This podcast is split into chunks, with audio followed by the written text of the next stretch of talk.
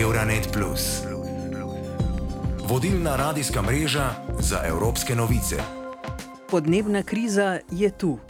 Ne govorimo več le o podnebnih spremembah, pač pa o posledicah naših dejanj, ki smo jih že začeli plačevati. Prihodnost pa je precej nepredvidljiva. Svetovno prebivalstvo je že doseglo 8 milijard in bo vsaj še naslednjih 40 let rastlo, medtem ko se evropsko prebivalstvo hitro stara in naj bi se leta 2026 začelo zmanjševati. Zato se lahko soočimo s tem, da bo podnebna kriza nepopravljivo zadela predvsem mlajšo generacijo, ki se tega tudi, vsaj tako se zdi, bolj zaveda. V nadaljevanju smo skušali odgovoriti, kako lahko mlajše in starejše generacije bolje sodelujejo na poti k zmanjšanju uničevanja planeta. Evropsko prebivalstvo se stara, zato bodo starejše generacije vse bolj odgovorne za skupne emisije. Znanstveniki ocenjujejo, da bodo do leta 2060 kar 39 odstotkov skupnih emisij ustvarili ljudje starejši od 65 let. Starejši se ob tem znajdejo v položaju tistih, ki krizo močno občutijo, in v položaju tistih, ki k krizi močno prispevajo svojim ekološkim otisom. A so obenem tudi tisti, ki imajo mnoga znanja o trajnostnem načinu življenja in prav od njih se lahko veliko naučimo. Prav to v pogovoru povdarja andragoginja, geografinja in menedžerka trajnostnega razvoja, magistrica Katja Batnagar, ki se na inštitutu Antona Trstenjaka v različnih projektih trudi razvijati prav ta znanja. Pogosto se gleda na starejše ljudi kot ena, ena izmed najbolj ranljivih skupin in tudi, ko govorimo o podnebnih spremembah, to ni nič drugače. Seveda so starejši ljudje ob spremembah res veliko bolj izpostavljeni.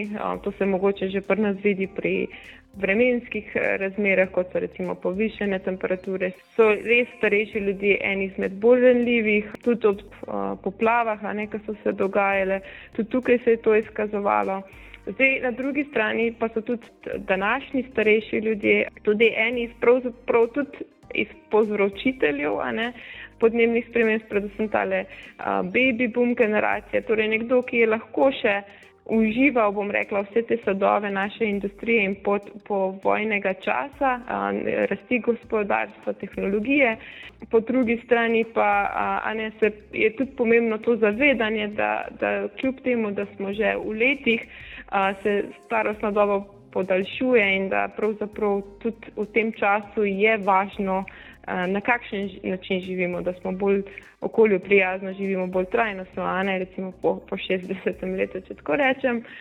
Potem ta tretji vidik je pa zelo pomemben, da pa tudi starejši ljudje lahko prispevamo veliko k boju proti podnebnim spremembam. Torej, starejši ljudje niso samo ranljiva populacija, niso samo tisti, ki tudi prispevajo k podnebnim spremembam, ampak so predvsem tisti, ki so lahko tudi eni izmed tistih, ki rešujejo podnebne spremembe, če tako rečem. Um, to pa predvsem na podlagi njihovih dolgoletnih izkušenj, ne uh, iz svojega življenja, to, to, to je že tako splošno znano, da starejši ljudje seveda imajo eno zakladnico znanja uh, svojega življenja in modrosti, na drugi strani pa tudi, ko se človek upokoji in neke določene obveznosti odpadejo, ne, um, imajo morda malce več časa, da se tudi tem stvarem posvetijo. V Evropski uniji medgeneracijske razlike v potrošnji, stališčih in vedenju dodajajo nove razsežnosti že tako velikim razlikam v odgovornosti za emisije glede na raven dohodka. Zato bo vse bolj pomembno, da se te razlike odpravijo in da se ukrepi politike usmerijo v energetsko učinkovitost in zelene prehode za starejše generacije. Zato je nastal tudi nov evropski projekt, ker želijo nasloviti prav ta vprašanja, dodaja Katja Batnagar. Na, na inštitutu Antona Trstenjaka z oktobrom nekako um, bomo začeli tudi z novim projektom, uh, ki pravzaprav točno to naslavlja. Um, in imenuje se Aging Green oziroma po slovensko zeleno staranje, kaj je namen res najprej tudi ozaveščati in informirati starejše ljudi o podnebnih spremembah, potem pa jim nekako pomagati pri tem, da lahko v svojih lokalnih okoljih nekako najdejo načine, um, da sami bolj trajnostno živijo, oziroma tudi to širijo s svojimi bližnjimi, um, prijatelji in drugimi znanci. Kako se bomo pa tega lotevali, tukaj si pa želimo upeljati tudi to medgeneracijsko noto, ker nasplošno ne, si vsi želimo več tega, bom rekla, tudi medgeneracijskega povezovanja in konec konca je tudi, tudi tukaj to en, en zelo velik motivator za starejše ljudi lahko, ne, da človek nekaj naredi v starosti za svoje vnučke, ne, da bodo oni tudi lahko uživali te sodove oziroma pač nasplošno vsem generacije, ki prihajajo za nami. Je to neka zapuščina.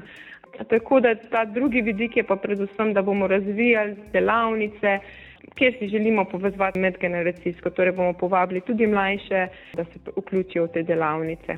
Uh, bomo šli pa zelo tako, no, se mi zdi, iz nekega globalne perspektive na lokalno in potem individualno, kaj jaz lahko v svojem okolju naredim na tem področju. Mladi se tako morda bolj zavedajo svojega ogličnega otisa, skušajo zmanjšati svoj vpliv na podnebne spremembe.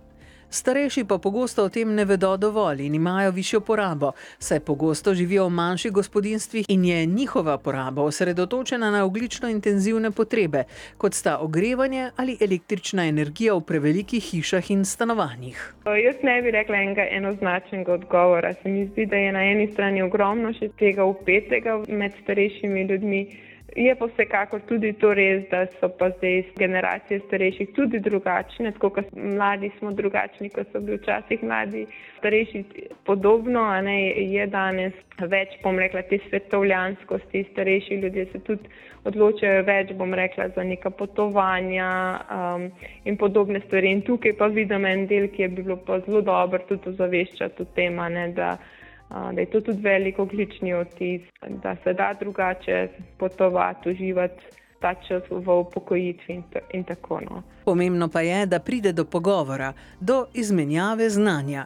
Tukaj mislim, da je lahko ena zelo lepa izmenjava. Jaz mislim, da starejši vsekakor lahko tukaj uh, veliko povedo eh, iz svojih izkušenj, kako je bilo mogoče v njihovem obdobju, v njihovem času, ko določenih stvari ni bilo še. Eh, hkrati pa tudi mlajše generacije pa lahko ponovno tudi pokažejo, ne, da na kakšen način smo pa tudi danes lahko trajnostni. Tako da tukaj bi rekla, da je lahko ta izmenjava izkušenj kar zelo enakopravna oziroma se lahko res drugi, drug od drugega marsikaj naučijo. Skrb za prihodnje generacije je nujna, zagotovo pa ne bo nikomor pomagalo, če bomo zgolj iskali krivce, še poudarja magistrica Katja Batnagar. Kadar govorimo o medgeneracijski pravičnosti, je seveda tudi med mlajšimi generacijami in med nami je včasih malo te, bom rekla, jeze ali pa teže, ki je kakšen svet je pred nami, um, ampak je hkrati zelo pomembno, ja, da, da, da nikoli ni prepozno, da nekaj še naredimo in da tudi to, da se krivimo, ne bo nikomor koristilo. No. Uh, bo pa koristilo, če smo angažirani, pa če se aktivno pripomoremo v tem, v tem boju proti podnebnim spremembam. Vendar pa se postavlja tudi vprašanje migracij. Podnebne spremembe bodo počasi vodile tudi do selitev v klimatsko bolj primerne regije za življenje. To se počasi dogaja tudi v Evropi, a to še nikakor ni migracija. Pravi strokovnjak za migracije pri latvijski nevladni organizaciji Mundo Meli Snine. Praegu minule teadaolevalt pigem mitte sellisel määral, et, et meil on pigem selline elustiiliränne Euroopas olnud levinud, mille kaudu Põhja-Euroopast rännatakse. Prej smo v Evropi priča selitvam zaradi življenjskega sloga, ko ljudje iz Severne Evrope po zimi migrirajo na jug v kraje, kjer je poleti nekoliko toplejše. Težko je to obravnavati kot podnebno migracijo. To je bolj stvar življenjskega sloga in izbire. Seveda, če bomo priča če dalje večjemu številu požarov v naravi in gozdnih požarov v Južni Evropi ter poplavam v Srednji Evropi, bodo ljudje nedvomno morali zapustiti svoje domove. Vendar je to bolj notranja migracija. Migracije so nasplošno neprijetne, ker zahtevajo sredstva, informacije ter pogoje in priložnosti, kam se sploh odpraviti. Medtem ko je v Evropi več možnosti, da je stvar popolnoma drugačna, ko govorimo o zahtevnih regijah, kot je regija Sahel v Afriki. Tam se bo prebivalstvo v naslednjih nekaj desetletjih podvojilo, medtem ko se je rodovitnost tal zmanjšala za 30 do 40 odstotkov. To pa pomeni, da bo tam življenje postalo nemogoče. Vprašanje pa je, ali imajo ti ljudje dovolj sredstev in informacij, da se kamorkoli odpravijo. Koliko se v Evropi sploh zavedamo tega, da najbolj ranljivi potrebujejo pomoč?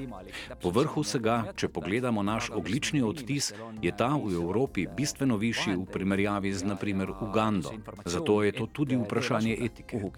et, et kas siis oma regioonis, kindlasti mitte kaugemale.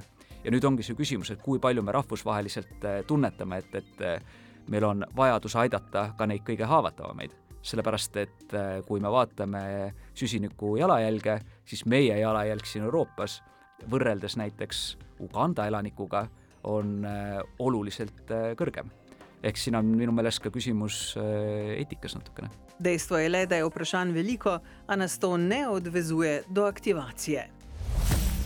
Euronet Plus za boljše razumevanje Evrope.